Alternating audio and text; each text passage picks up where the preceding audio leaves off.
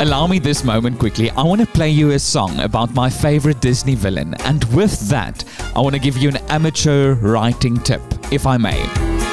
Never underestimate the power of a good villain.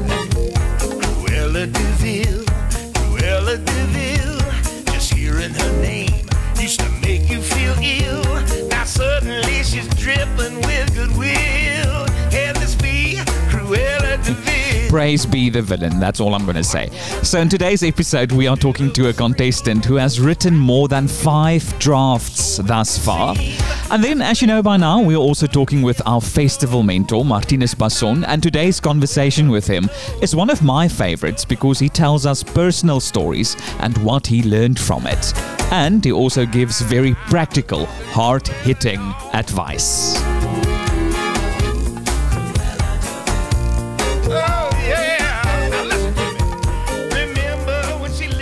What a privilege to chat with Michaela Brown about her production, The Pelican. Hello, Michaela. Hi.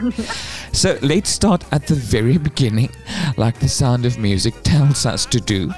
Um, and tell me about this whole idea. Where did it start? Where did you get it? And then also give us the basic premise of your production. well, I was basically in the car and I just thought of what what would a play be if it's about a newspaper? Because a newspaper can be quite intimate and have very different characters and very quirky characters. And I, I thought actually back to um Spider-Man, the old Spider-Man, which I think is the best one, and that newspaper that newspaper office. And it just it made me so excited and I was like, no, I have to write. I have to write about this now. Um, and then yeah, that's I think just from where where the plot came from, and um, the premise of the play. I I, was inspired. I read a a book, Oil on Water, and it's about it really it discusses these environmental issues that are prevalent in um, in African countries, and I was really inspired by that. So I wanted to incorporate that somewhere in the play. So, but I, so I, it started with me thinking, okay, I want to do something about newspaper, and then I also I feel inspired by environmental issues, and then it just took forth from there. Okay, so what is the basic premise of this play? The Pelican. Okay, so it, it features these three journalists and a chief editor, and the and they work in this small town called Calford, and this is the only newspaper in the town. So the town is really uh, dependent on this newspaper. Um, despite this, the newspaper still kind of struggles. They have to deal with paper costs and all these like little expenses. hmm But we figure out that there's actually the town is quite. It's not a normal town, and let's just say that there's um, the town has a few weird traditions that they do, and to the town it's normal, but everyone, well, most of the people in the Pelican now, they are uncomfortable with these traditions that the town engages in. And um, throughout the play, there's this almost this moral conflict of we need to show the people that this that these traditions are wrong, but how do we show the people this if they have such strong beliefs in it? So the the journalists try to find a different way to convince the people to stop carrying on with these traditions. Yes. I don't want to spoil it. No, don't, don't, Um, don't. yeah, Please don't. no, I won't. now, just quickly, I'm, I'm wondering, is this your first play you've ever written? Yes. So I wrote plays in high school, but I don't want to consider those plays because they were not great. Um, but yes, it's the first play I have written. And as a writer, sorry, I'm drinking my coffee now, but as a writer, do you get your inspiration from real life events or from real people? What is your process as a writer? Yes. So I always had this fascination for British humor. So there would always be um, Rowan Atkinson, like things that he would say that would actually just stick in my head. So when I was writing it, like lines like that would pop up, like the Thin Blue Line or all these like British sitcoms. Um, so that I always said I love that type of humor. So I write like that, if that makes sense. Yeah. But then also like for real life experiences, I don't live really in a small because the town is like a, a coastal town, so I don't live there. So I actually went um, on holiday um, with my family to um, Hermanus, and so I like put myself in that space and just got inspiration from that. And then I also went to Kleinmond, which had a lot of, was, gave me a lot of ideas and inspiration as well. So I had to physically go to a place and get um, content from there, if that makes sense. I'm almost afraid to ask you this, Michaela. Maar het die skrywers gogga jou gebyt? Yo, to be honest, I'm a bit scared. I the the amount of times I've rewritten this play. It, it oh, I basically I got to this point where I was like, I'm butchering this play because ideas keep on changing. The plot is plot holes, and it was such a frustrating process. It was good though. Like I, I Yeah. really, if I look back now, I, I can just see the growth. But it, the process was it was it was difficult. Um, and but I just remember something that you said that we must just work through those difficult times. That sometimes there will be plot holes and there will be things that you literally just need to gra- continue, continuously grapple with. Yeah. And that's what I had to do. And I am like I'm so busy with the writing process and rewriting and that, but I'm so happy that I I pushed through. Mm. And so yes, I would definitely love, like to write again. I'll probably give it a bit of a, a a break after this play, but I yeah just to see the growth and to see what you actually can do if you just continuously push yourself is, is really amazing. That is a very mature thing to do. Thank you. Uh, so from where are you, by the way? I'm from Durbanville, Okay. so right here. and be honest, is there any characters in your play based on people in your life? in my sphere of life. Um, let me think. Not really, but mm, there is a, of the one character. I've got a lot of quirks from myself. um, but and in these other characters. I don't know. I just quite dramatic and over the top. And I haven't my people, the, my the people that I know, very subtle, if I can say. um, but no, so not. Yeah, so it's more that I just thought of these people and I was like, I want to write about them. Yeah, but it's very interesting to to see that you are writing this story from a completely new place. It's a new town, it's new people. Was that a subconscious decision or do you think it happened consciously? I think it was a subconscious decision because generally I, I like to fantasize and think of these different realities. So it came quite natural, but I did I did get inspiration from people that I do know. Even though I didn't base like the characters that I wrote about solely on them. For example, my grandpa, he lives with me and he every day he reads the newspaper. So the chief editor in the play, he is a little bit similar to my grandpa. So he's very passionate about the paper. Yeah. If you use a paper for anything else besides reading, it's a sin.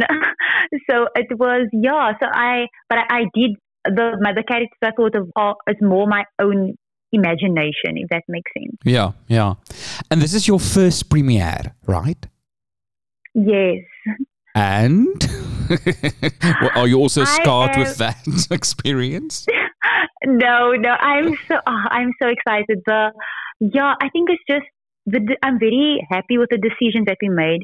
So the director, Bella Draper, Mhm. she would have written with me. So we start our first draft. We both wrote the play, and then we realized that you can see that there are two writers. So we made the, like a good decision in in um, giving out distinct roles. So I'm now in charge of writing, and she's in charge charge of directing. So once I'm done with this, then I hand over to her, and I think that process is just so it gives me so much peace because it's like okay, she can she's still there to help me, but she has now a clear role. There's not like a, this confused. Yeah, and I, I just feel very much at peace. So I am excited about premiere. I can't wait to put the, the play on the stage and see what she's going to do with it. But yeah. That decision, you know, not writing together, what inspired that exactly? Because that's also a very mature decision to make. net so, even net FYI. So we both so we, we both said that we enjoy writing. So we said, okay, let's split up the play into different scenes and we'll each take a scene. So we did that and then we compiled the play. But then we just realized that it, like you, the play didn't flow seamlessly. You can see that it's very jagged because we Yeah. both have different writing styles. So we said the best decision would actually be to to have one writer and one director, and even two having two directors can also be a bit difficult because you both have different visions and there's Yeah. some clashes and it's just unnecessary conflict. So I think we were both on the same page with that. So I will write, I will send it to her, and she will check if there's any um, anything that doesn't make sense, and then I will rewrite it. So I think that really helps me because then it gives me, me also an outside perspective. And um, yeah, the process is just much easier. There's no drama or anything. Yeah, yeah. And did you struggle with the casting process? Tell me about that. No, I actually, to be honest, I, I'm very well, very familiar with the people in my year group. And um, so when I, I really had, I don't want to say people in mind, but there were certain characteristics that I saw Yeah. the characters having. So when we had the auditions, I, it was it was easy to like note, okay, this person has this characteristic, this person has this. So let's try, let's put them all in a setting and see how they respond.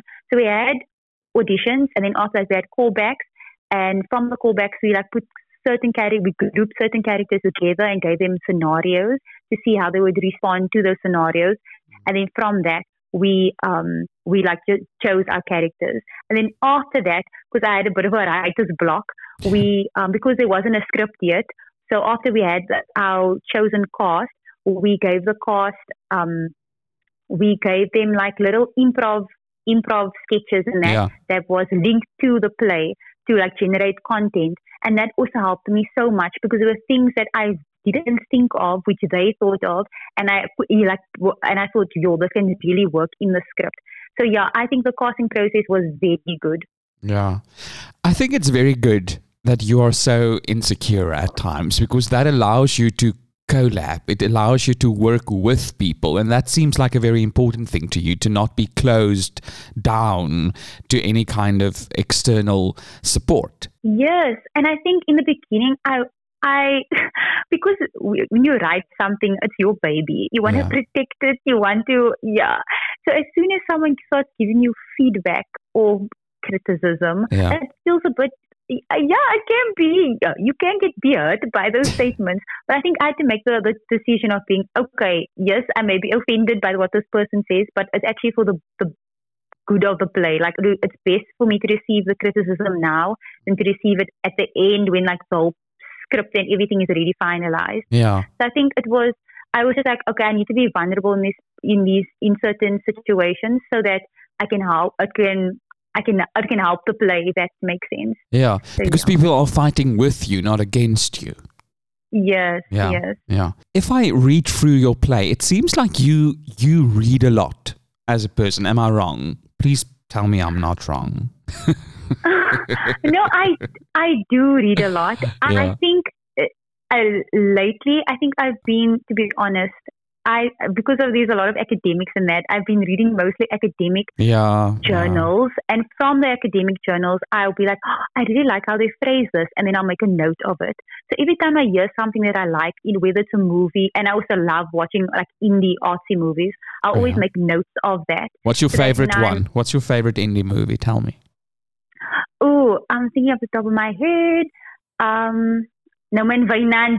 now I'm looking in blank. I'll, I'll, if I remember it, I'll, I'll go back. Okay. I'll, I'll tell you again if I remember. But before academics, mind- what did you read?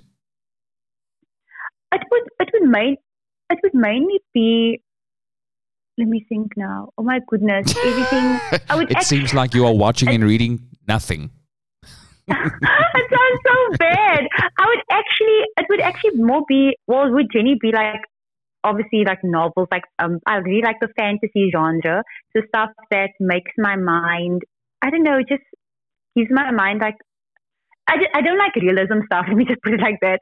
So I prefer to watch stuff or read things that, that, um, puts me out of this normal realistic world.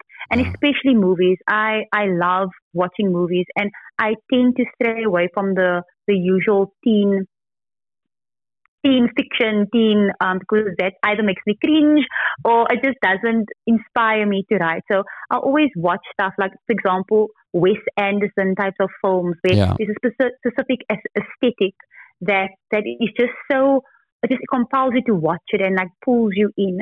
Or um mo- yeah movies that that aren't there, there's this one movie called two days one night. It's a french movie. I love watching foreign movies Ah, where okay. it takes on a different it takes on such a different narrative. It's not Yeah.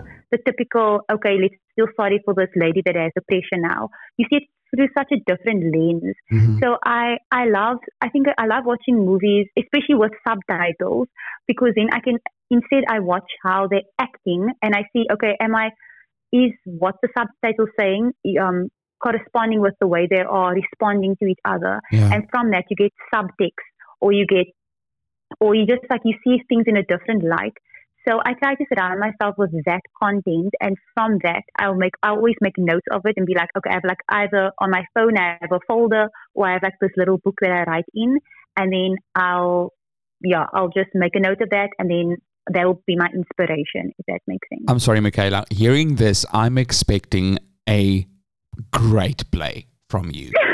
Okay, because No, you are making notes every like around every corner. You are making notes, so I'm expecting a excellent play, Michaela, an excellent Well, one. Well, I should say I you're one of the few. You're one of the few people that actually wrote completely new drafts, like five or six drafts. Am I right?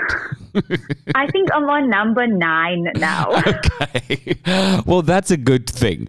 I, I, I, I suppose. I suppose. Well, no pressure, Michaela. What is some of the key things you have learned thus far from the process? I would say, I think, firstly, being gracious with myself. Yeah. I am a bit of a perfectionist. So if stuff doesn't, if I'm writing and it doesn't sit well, then I become quite upset or I just, fr- like, I easily become frustrated. And sometimes I just need to actually let it sit.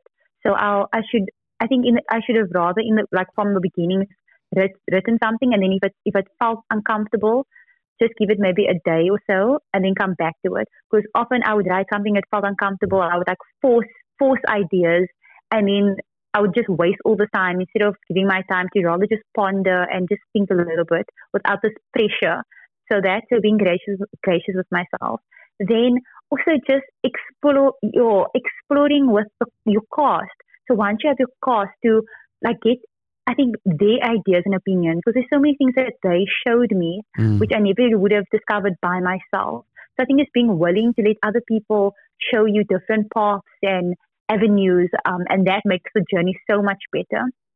And then lastly, I think, like I said, just being being willing to give your baby away, no matter how bad that sounds, but just being willing to have people edit your work or people just note things that maybe doesn't make sense. Because it's only in that process that that you can actually fix things. Because I, I remember my brother, he's very, he's also, he's a he's very good at writing. He has these masters in writing. Oh wow. And I would ask him to, I would ask him to read something and he would say, Michaela, this doesn't make sense. And I would get so upset with him because it makes sense in my head.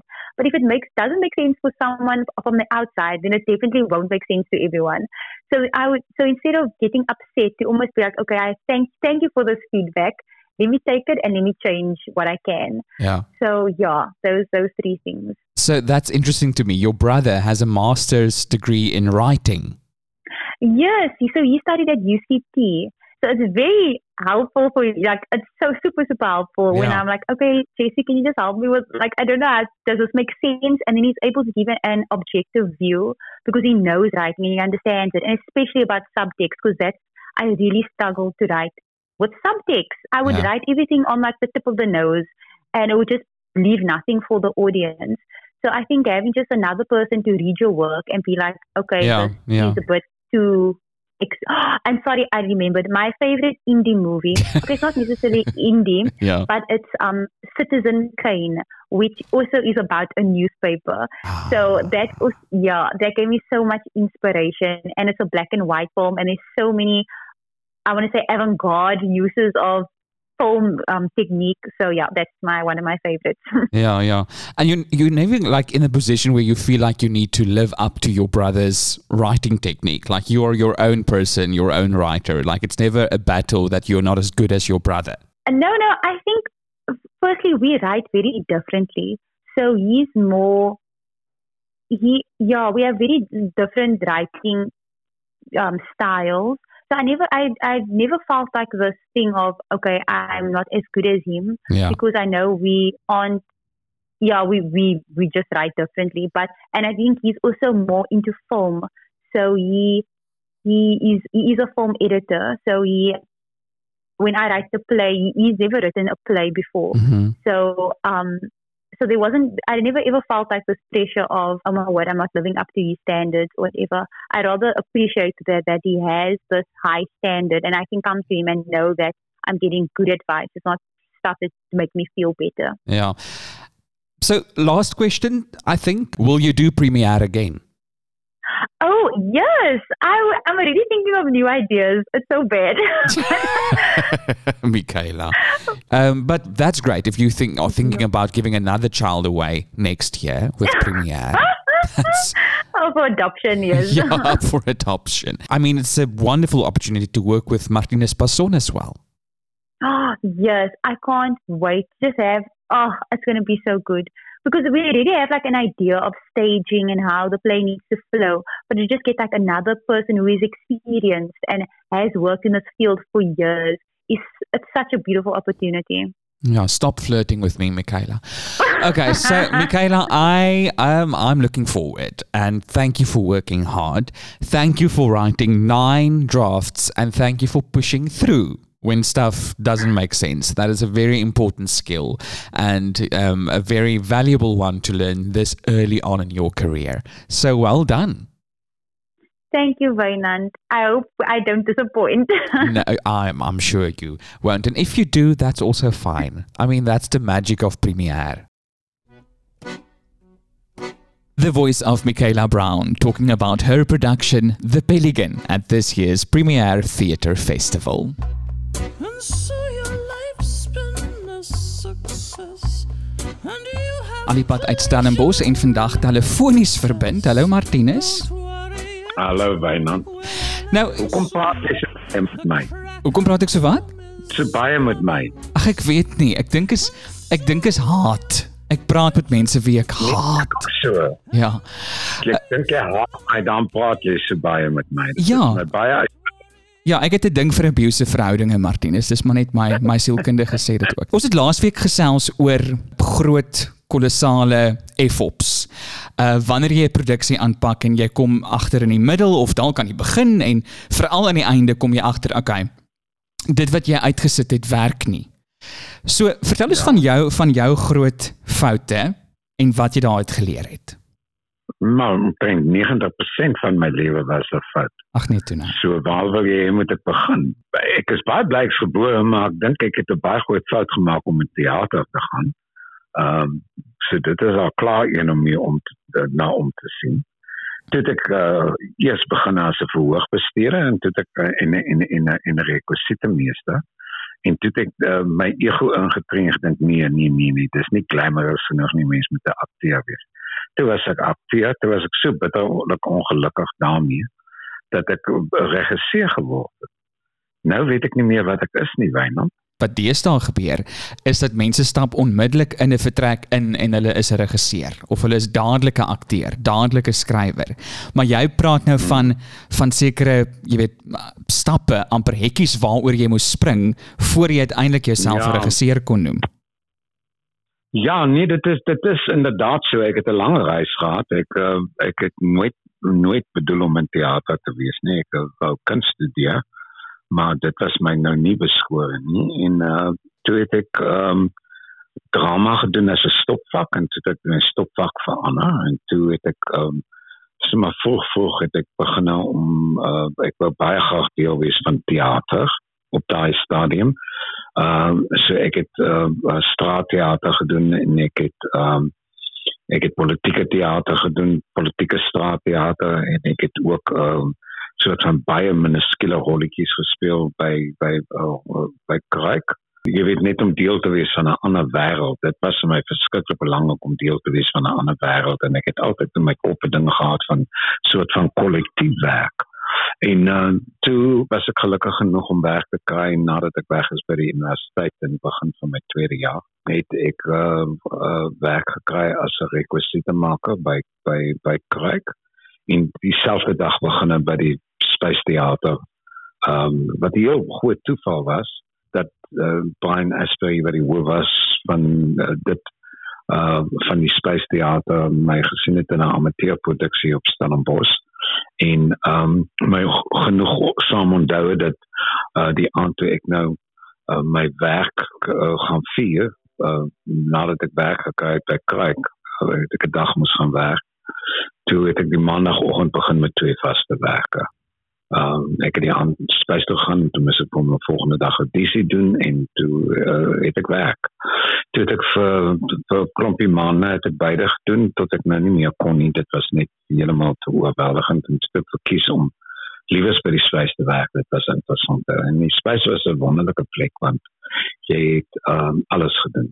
Uh, jy was akteur, jy was voorbestuurder, jy was toilet skoonmaker, jy was kaartjies skeer, jy het uh, vloere gemop, jy het rekwisiete gemaak, jy het kostuums aan mekaar genaai, jy het uh, uh, alles moes doen. So ja. dit was verskriklik lekker en die betaling was ongelooflik swak, maar ek het dit verkies voor net rekwisiete maak. Ja. Wat opwindend was. Ja. En 'n goeie leerskool, niks daarvan is verlore nie. Dis dalk nou 'n baie filosofiese opmerking Martinus, maar dit klink tog asof die besluite wat jy maak as regisseur so nou en dan beïnvloed word en inspireer word deur jou lewe. Ja, natuurlik. Ja. Dit is verskriklik belangrik om om om jouself bloot te stel aan 'n wye uh, klomp ervaring, maar jy Ja. weet ek bedoel ek het ek kon na mense kyk wat goeie regie doen. Ek uh, was later deel van 'n geselskap met 'n uh uh, uh opera geselskap, 'n orkes. Ehm um, uh, jy, jy weet 'n 'n balletgeselskap, uh, jy kon gaan uh insit by by by by by by enige van die repetisies. Jy kon Ja. ja. leer van 'n duisend mense. Ek kon ook my vak leer uit wonderlike beligtingsmense met wie jy gewerk het. Ek kon gaan Ja. na die gaat erover. En samen die, met die vrouwen gaan kostuums uh, naar werk doen, je weet. Ja. Dat is uh, een vormen van opvoeding, wat ik alles belangrijk acht. Voor die feit dat je regisseur is. Maar regisseur was een baie post. En dat is bij mijn plek voor regisseurs in werkelijkheid. Dus daar, is een plek voor duizenden verhalen. Dat is plek voor misschien zes, waarvan misschien twee goed is. Um, dit, is dit is inderdaad waar. Daar's mense wat goed kan organiseer op 'n voorhand, maar daar's werklik baie min mense wat eintlik uh, uitsonderlike regisseurs selfs eil gesaai. Ja. En um, en daar was 'n hiërargie en daai hiërargie het nie plek gemaak noodwendig vir, vir, vir iemand anders nie. Dit het jy moes lank werk voordat jy vertrou was om die verantwoordelikheid op jou skouers te neem van regie. Ek ek het eers begin regie doen in my volle 30s. Ehm um, en ek is baie bly vandag dat ek so laat begin het want wat dit gedoen het is dat dit my geleentheid gegee het om uh, uh genoeg skietgoed bymekaar te maak dat ek naaste by veilig kon voel um met wat ek doen. Nie dat jy ooit veilig voel nie. Ek Ja. voel nou nog nie veilig. nie. Maar wat ek bedoel is jy jy jy het 'n werklike enorme hoeveelheid uh, uh ervaring gehad voordat jy op die vloer gegaan het. Jy kon jou ook beroep op mense vir wie jy respek gehad het wat saam met jou in 'n geselskap was. Jy weet vir wie om raad kon vra en uh, wat jy wat jy teen kon skop of uh uh uh um, 'n reaksie kon wees, jy weet en jy ja, so so dit was dit was ek is baie bly dat ek dit so laat gedoen het. In die begin dink ek wat wat 'n mens doen is jy wil verskriklik graag saam met die akteurs op die verhoog staan. Ja. So jy doen regie wat sodat almal kan sien jy doen regie.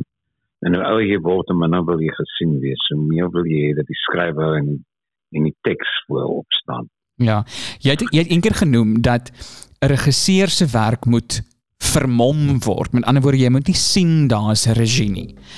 Hoe is so iets Dit moontlik? inderdaad voel ek al meer s- eh, ja, sterk oor. Ek ek ek haat dit as ek voel ek kan nie regisseur op die verhoog sien. Die die die die werk moet so soemloos wees dat die regisseur nie bestaan, regisseur nie bestaan. Nou vir nuwe regisseurs, want kyk Premier het nou hierdie jaar klomp mense wat vir die heel eerste keer in hulle lewe 'n play se regie gaan doen, 'n toneel se regie gaan doen. Watter en ek weet raad is nou so 'n eerie fairy woord, maar watter wenke en raad het jy as iemand wat nou al jare in die industrie is vir hierdie nuwe regisseurs? Ek sou- ek sou sê die eerste ding wat jy moet doen is luister na klassieke musiek en die tweede ding is lees. Die rede hoekom ek dit sê is omdat uh uh lees stimuleer jou verbeelding wat wat films nie doen nie. Films films uh, sien jy en jy kan alles sien, elke enkele ding. Kan 16 die keer daarna kyk, dit verander nooit. Wat daar is, is wat daar is. Uh maar 'n boek maak jou verbeelding oop. En hoe meer jy lees, hoe meer sê jy begin verstaan hoe funksioneer struktuur, hoe werk ritme en so meer. Hoekom sê klassieke musiek? Want anders as meeste van van van die kontemporêre musiek is uh uh dit dit klassieke musiek net soveel meer kleur in in in ritmiese skuwe en in in in in in die die omvang van die instrumente maak dat dat jy wonderlike tekstuur kan bou en met gevolg jy kan begin kyk na Reza de Wet se werk en besef dat dit kamermusiek is vir baie spesifieke instrumente.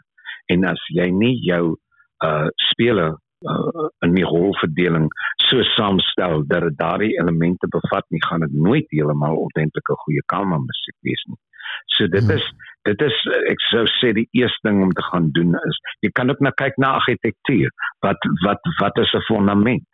Wat is struktuur meer? Wat is net versiering? Ehm um, hoekom is daar versiering? Behoort daar versiering te wees? Uh is die versiering eintlik besig om die uh, die die gebou te oorweldig of is dit 'n uh, deel van die inherente estetika van die gebou? So daar's baie plekke wat jy kan ja. gaan soek as jy wil kyk na regie op die voor want wat jy doen is jy het 'n magnifieke hopelik as dit 'n goeie teks is fundament wat kom uit die teks uit en dan bou jy daarop jy moet bou. Jy het, dit is soos 'n groot argiteksplan wat jy het wat elke aanduiding het van wat daar behoort te wees jy weet van van bedrading tot by uh, uh, uh, die vensters. Jy weet is dit uit hout gemaak is dit uit uh konkreet is dit uh uh uh, uh jy weet duisende keuses wat ja. jy kan maak. Maar dit is aangedui in daai in daai basiese template mm -hmm. wat die argiteksplan of die teks is. So teks is vir my 'n argiteksplan. Ja. Wat moet liewe kry deur dit tweedimensioneel te maak. So dit is tweedimensioneel op 'n manier met al die inligting in jou akteurs en die regisseur om omskep dit in 'n driedimensionele gebou durf jy enige van daai goed miskyk, dan gaan jou jou jou dak lek of jou jou ja. fundament gaan stak. Jy weet, dit is ja. dis die ding. Dit klink vir my met ander woorde of jy jou linker en regter brein moet gebruik. Jy kan nie net kreatiewe liberty nee, nee, nee. en vryheid hê nie. Daar is tog 'n sekere die die teks eerstens gee vir jou reëls en gee vir jou daai template. Maar wanneer mens praat van die regisseur se stem. Ek hoor dit so gereeld van 'n regisseur se stem. Wat dink jy word bedoel daarmee en hoe ontdek mens dit? Ek ek persoonlik dink oor die algemeen dat meeste van van die goed wat aan mense praat van die regisseur se stem is omdat hulle die regisseur op die verhoog sien. Jy jy weet so jy kan al die quirks van die regisseur sien. Ek ek het nie 'n probleem daarmee nie. Ek dink daar's baie waardevolle werk wat so gedoen word en dat van dit is fantasties interessant. Maar ek dink dit is kan baie maklike doodloop staat word. Ek dink nie afhangend van of jy jou eie werk skep, dan kan jy jou mond het gesig verloor van eintlik wat jy sê en en as jy nie eintlik maar besig om jou te herhaal nie.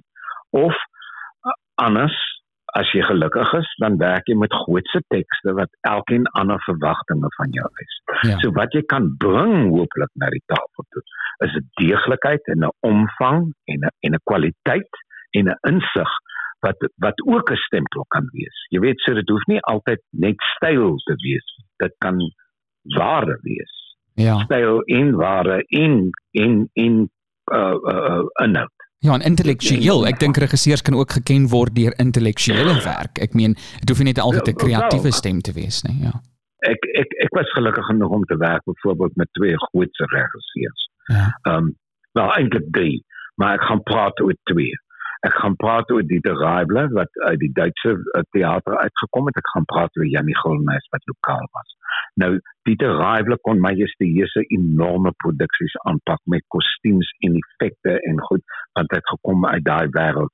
Janie omdat hy van hier gekom het en in die Oosblok uh, gaan veer opsteek het uh, en en en altyd met klein begrotings moes werk en so aan het 'n hele ander manier gehad van werk ek het ek weet van ek het dit nie gesien nie maar dat ek het gehoor van mense wat dit gesien het hy het 'n uh, Macbeth gedoen volledig met uh net sewe akteurs en hy het in die voorste ry gesit en al die res van die rolle ingelees. En mense het dit ervaar as 'n magnifieke opvoering van Macbeth. So Janie het gewerk met eenvoud, hy het nie gehou van uh, stelle nie hy hy hy hou van esteties stelle wat 'n estetiese waarde bring maar nie van bekrompe stelle nie. Hy het uh, jou voete geregisseer nie noodwendig jou brein nie maar hoe hy jou voete regisseer het dit beteken dat jy insig gehad het in wat in die breine van die mense aangaan. Ja. dit was dit was 'n verbuisterend verskillend in sy aan aanvang.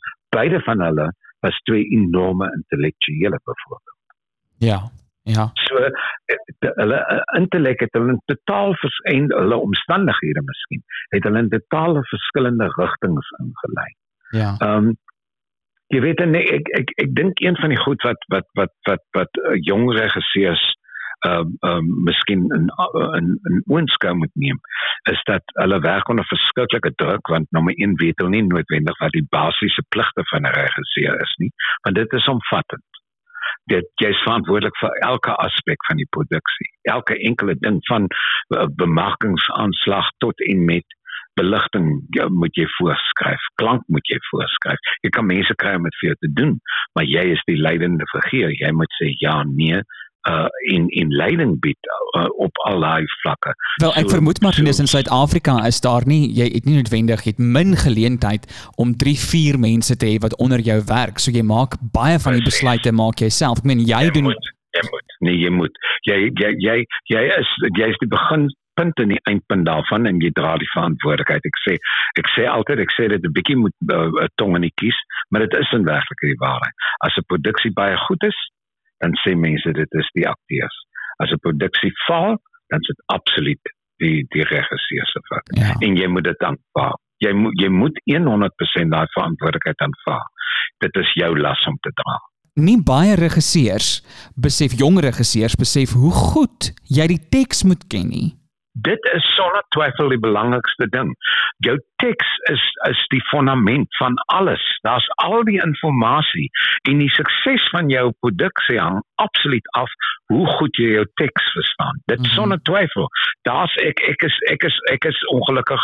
Ek het al baie vreemde goed met tekste aangevang, maar dit daai vreemde goed kan net werk as jy 100% absoluut presies weet wat die uitgangspunt van die van die stuk is, wat waarom dit geskryf is soos dit is.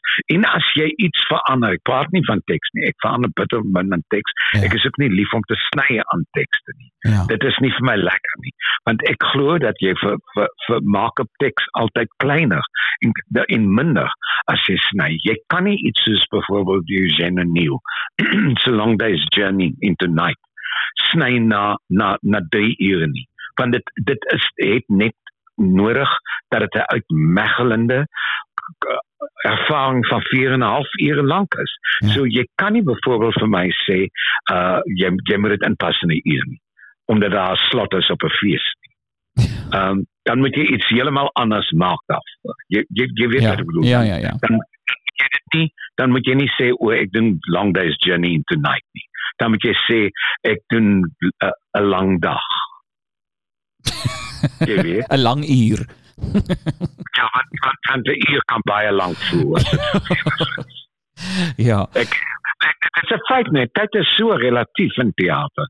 Die die die die kortste Shakespeare wat ek ooit gesien het, die vinnigste Shakespeare wat ek ooit gesien het, was 'n leer in Duitsland wat 6 en 'n half ure lank was. Dit is die vinnigste Shakespeare wat ek ooit gesien het. Hoekom? Want ek was nie vir een oomblik buite die storie se loop nie.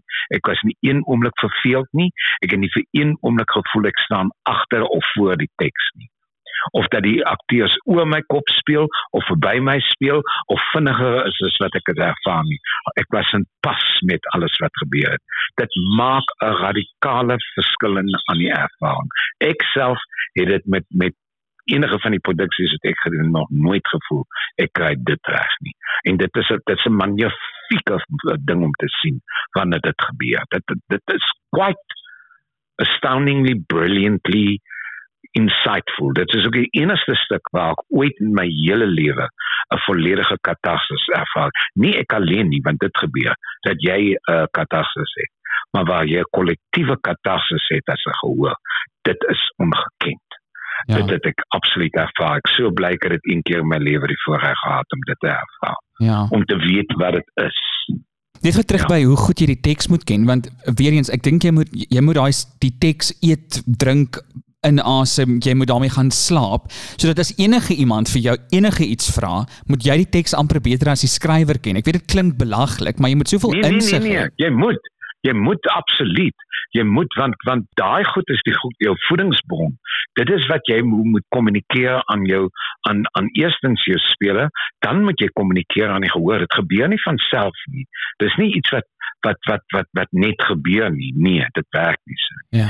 Jy jy moet dit deurgrond. Dis die beste woord wat ek kan gebruik is deurgrond. Jy jy jy moet verstaan, jy moet die jy moet jy moet gaan dink oor elke aspek hoekom gedoen die die regisseur dit. Soos ek gaan nou 'n voorbeeld noem van iets wat wat my gefascineer het wat ek eintlik ook besef het eers nadat ek 'n produksie gesien het waar dit nie gewerk het nie. In in in die Cassie boord is daar 'n karakter wat ehm um, omtrent nie woorde het nie. En uh, ek het 'n produksie gesien waar die akteur totaal verlore was in in in dit. Jy weet wat jy duidelik kon sien die persoon dink wat hoekom is ek op die verhoog? Wat doen ek nou? Hoekom is ek hier? Uh hoekom praat hierdie mense met my? Uh waaraan moet ek dink? Waar is my lewe? Jy jy weet Ja. en dan gaan jy maar daar's groot fout daar. Wat's fout? Wat's fout? En hoe meer jy dink daaroor en hoe langer jy die teks lees en hoe meer jy begin verstaan, begin jy met my liewe Vader. Dit is die karakter en die enigste karakter wat almal se stories hoor en alles ken en alles kan sien en nie die gawe van spraak het om hulle te kan waarsku of te help of iets nie. So hy word 'n teenwoordiger van die gehoor. En dis die posisie waarin die gehoor homself vind. Ja. Jy jy weet, hy dra, hy's die enigste een wat die volledige storie dra. So hy inherent is nie interessant nie. Hy word interessant want hy verteenwoordig die gehoor en die gehoor sit met al hierdie vrae wat behoort te vra oor die karakters. Hoe hoe dit is 'n verskriklike ding wat hulle sê. Hoekom het sy net daai besluit geneem? Oog, hierdie gaan gaan gaan terugkaats op op 'n vreeslike manier. Jy jy weet, so met gevolg hy dra die gehoor se paniek, angs, insig en en en goed in hom. So sy karakter neem sy vorm aan as gevolg van wat hy hoor en hoe hy reageer daarop. Ja. So dit is fascinerende 'n fascinerende tak wat Chekhov inbou in die teks. Hoogs gesofistikeerd. En Wat- wat ek- vir 'n akteur want want jy weet meeste akteurs dink as hulle uh, tel mos 'n lyne en dan sou hulle 'n lyn het dan dan voel hulle hulle nou nie 'n hoof voor nie. jy jy, jy weet. Tel hulle lyne. Ek het nog nooit daai karakter daai karakter moet al die ander mense se lyne wat hulle vir hom sê gaan tel want dit is sy rol. Jy, jy, weet wat ek bedoel. So is baie belangrik om jou funksie te verstaan. Dis baie selde wat akteurs ek sukkel verskriklik daarmee. Uh, uh as ek nou goed kyk, is dit baie keer besef jy net die akteur weet nie wat sy funksie in die stuk is nie. Hy speel soms op 'n stuk Ja. of voor 'n stuk. Hy's nie in die stuk nie. So dis fascinerend vir my. Ja. En is tog jou rol as regisseur om ook daai funksie te kommunikeer aan die akteurs of is dit die akteurs se Absoluut. Jy hoef dit nie veel te sê nie, maar jy moet weet waarna toe jy gaan. Jy moet dit verstaan. So jy moet hulle help om daarby uit te kom. Baie keer as 'n mens iets sê, dan dan dan staan dit ook tussen jy moet jou woorde so versigtig kies as regisseur. Want jy sê die verkeerde ding en akteurs is oor die algemeen delikaat en hulle werk onder druk. Hmm. So as jy die verkeerde ding sê, kan jy enorme skade berokken. Jy kan 'n hele produksie sink deur net die verkeerde woordkeuse. So jy moet so versigtig kies wat jy sê. Jy hoef nie alles te sê nie, maar jy moet sekuur vir hulle lei na dit sodat daai alles wat jy wil wil hê Ja. in- by vir hulle totaal en al logies word in wat hulle hoe hulle werk aan aan aan, aan 'n projek en en Ja. wat hulle doen en hoe hulle dit doen. Gedigte. Ja, Ek dink wat jy sê dit is dit is dit is 'n dis 'n moeilike taak. Ja. En dan kry jy ook regisseurs wat hulle eie estetika, hulle eie smaak plaas bo oor dit wat die teks vra. Wat ook gevaarlik raak. dit dit dit kan ook gevaarlik wees. Ja, dis dit is eintlik maar wat ek sê as ek sê jy kry goed wat tussenin staan en voor dit staan. Ja. wat waardeur jy moet kyk na die teks, jy weet. So dis nie 'n lens wat iets vir jou belig of 'n lig, jy weet uh, wat wat 'n lens wat iets uitsoek en vir jou vir jou duideliker maak as wat nie of 'n lig wat daarop val wat dit wat dit wat dit spesifiek uh, om jy jy weet uh, om vorm op uitlig nie. Uh, dis iets anders.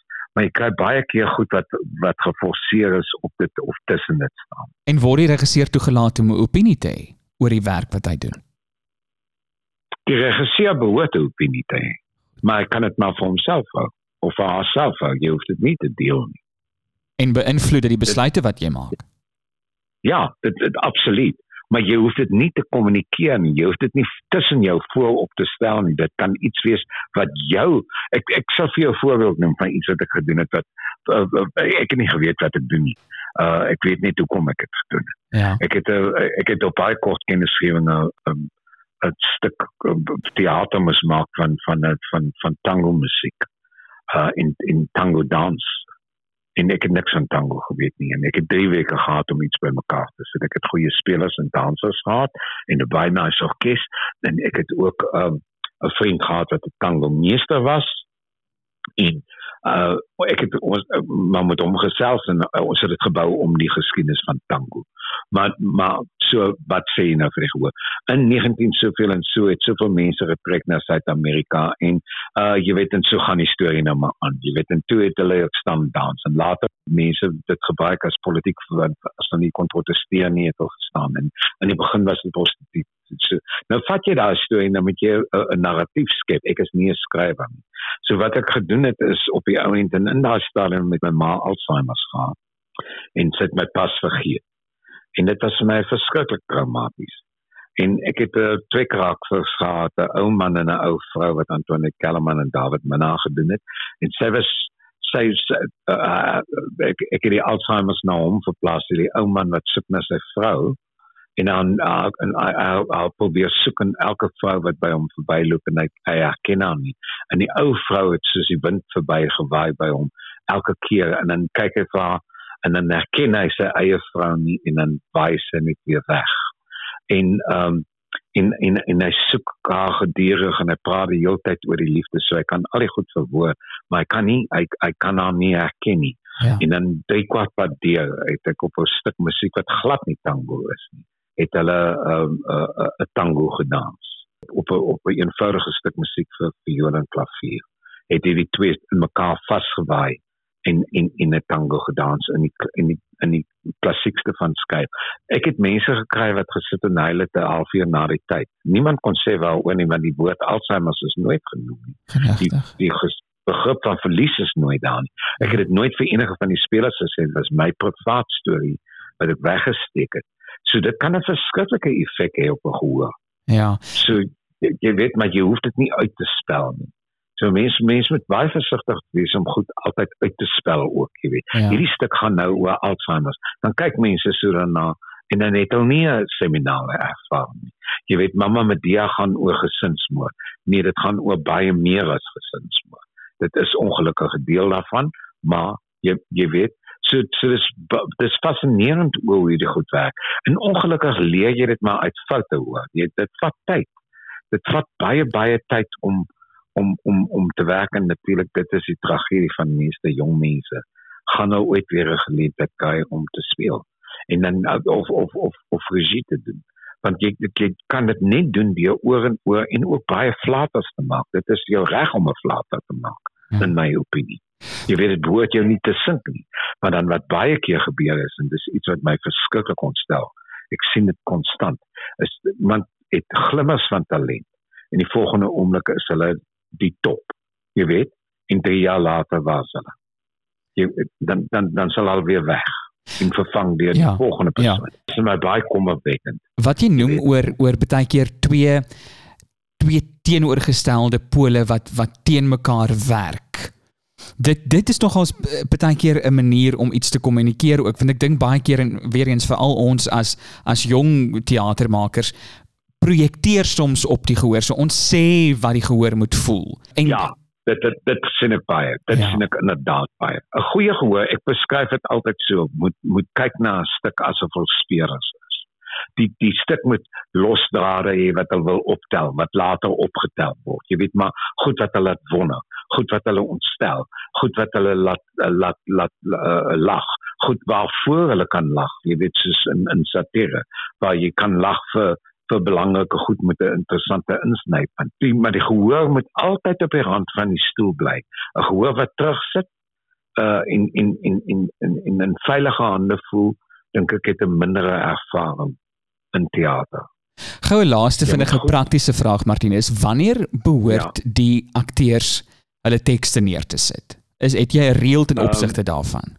Wel, wel dan af wat jou regie uh, uh, hoeveel tyd jy het. Uh, daar's uh, ek ek ek weet van 'n Russiese regisseur wat 10 jaar lank gewerk het aan Hamlet. Maar wanneer wanneer het die akteurs die tekste neergesit in jaar 9? Ek ek ek dink hulle het uh, gewerk teruggegaan, gewerk, weer teruggegaan, gewerk, weer teruggegaan, gewerk. Uh die Duitsers en uh, uh, die die company wat ek relatief goed ken, ek dink dinge het ook nou al verander daar. Maar die geselskap wat ek goed geken het, het 8 maande gerepeteer in 'n stuk, maar dan tot 24 stukke gehad wat hulle uh konstant gespeel het uh in in in in ruil juist van een keer 'n maand het hulle koning leer gespeel so dit het ek daar gesien. Uh so dan werk hulle 4 ure 'n dag. Ja. 4 intense ure in in in oor 8 maande. Uh om 'n nuwe stuk want want een stuk word uitgefaseer. Dan faseer hulle 'n nuwe stuk in. Jy jy weet so hulle Ja. het gewerk op 'n repertoriumstelsel. Maar vir se doeleinde Maar- sal jy voorstel dat die regisseurs vir die akteurs vra om so gou as moontlik van die teks af te kom. Wel ja, maar hulle moet dan hul tekste ook verstaan wat die plig van die van die van die akteur is want as akteur die, die teks verkeerd leer, spandeer jy soveel tyd om dit ondaan te maak. So ek sou voorstel dat hulle uh, dat dat dat die proses is hierdie. Hulle hul repetisies uitwerk op 3 weke van van 3 weke van 8 ure per dag. So moet hulle hulle uh, uh tyd so versprei in terme van repetisies dat hulle agt kreatiewe ure uh, uh maal 5 maal maal 3 uh, moet moet moet moet hê. En dan jou eerste week doen jy jou jou teks deurlese, jy praat oor jou gedagtes, jou jou jou uh, wat jy wil bereik, waarna toe jy wil gaan. Jy maak uh, klein verskywings aan jou teks. Hierdie is nuwe tekste, so as iets nie goed klink op die oor nie of daar's gedagtes wat misvorm is of so, maak jy reg en jy probeer om 'n om 'n breë raamwerk te skep op die ja. vloer sodat almal veilig voel. Dan in jou tweede week van daai 8 ure, sou ek sê wat jy dan doen is dan gee jy die geleentheid vir die vir die spelers om van teks af te kom. So die, hulle hulle dit is nie net kom af daarvan onmiddellik nie. Gebruik daai tyd om van die teks af te kom, dubbel seker te maak die teks sit en jy bly konstant aan die praat oor uh wat kan verbeter, jy gee notas en so meer. En dan die laaste week moet absoluut 'n series van deurlope wees sodat jy stamina kan opbou, dat jy vloei kan bewerkstellig, dat jy uh uh, uh by die tyd wanneer jy dan jou tegnies doen, moet daar nie vaar wees oor jou produksie nie. Dit maak 100% sin, veral in die konteks van ja. Die tyd wat hulle het en ook die konteks van van premier. So Martinus, baie baie ja. Dankie. Ons gesels binnekort weer, hopelik. Lewe lank genoeg nou ja, laat asseblief. dit jou baie goed gaan en uh, bly veilig. Jy ook. Bye. Jy weet daar's 'n derde golf van die kom.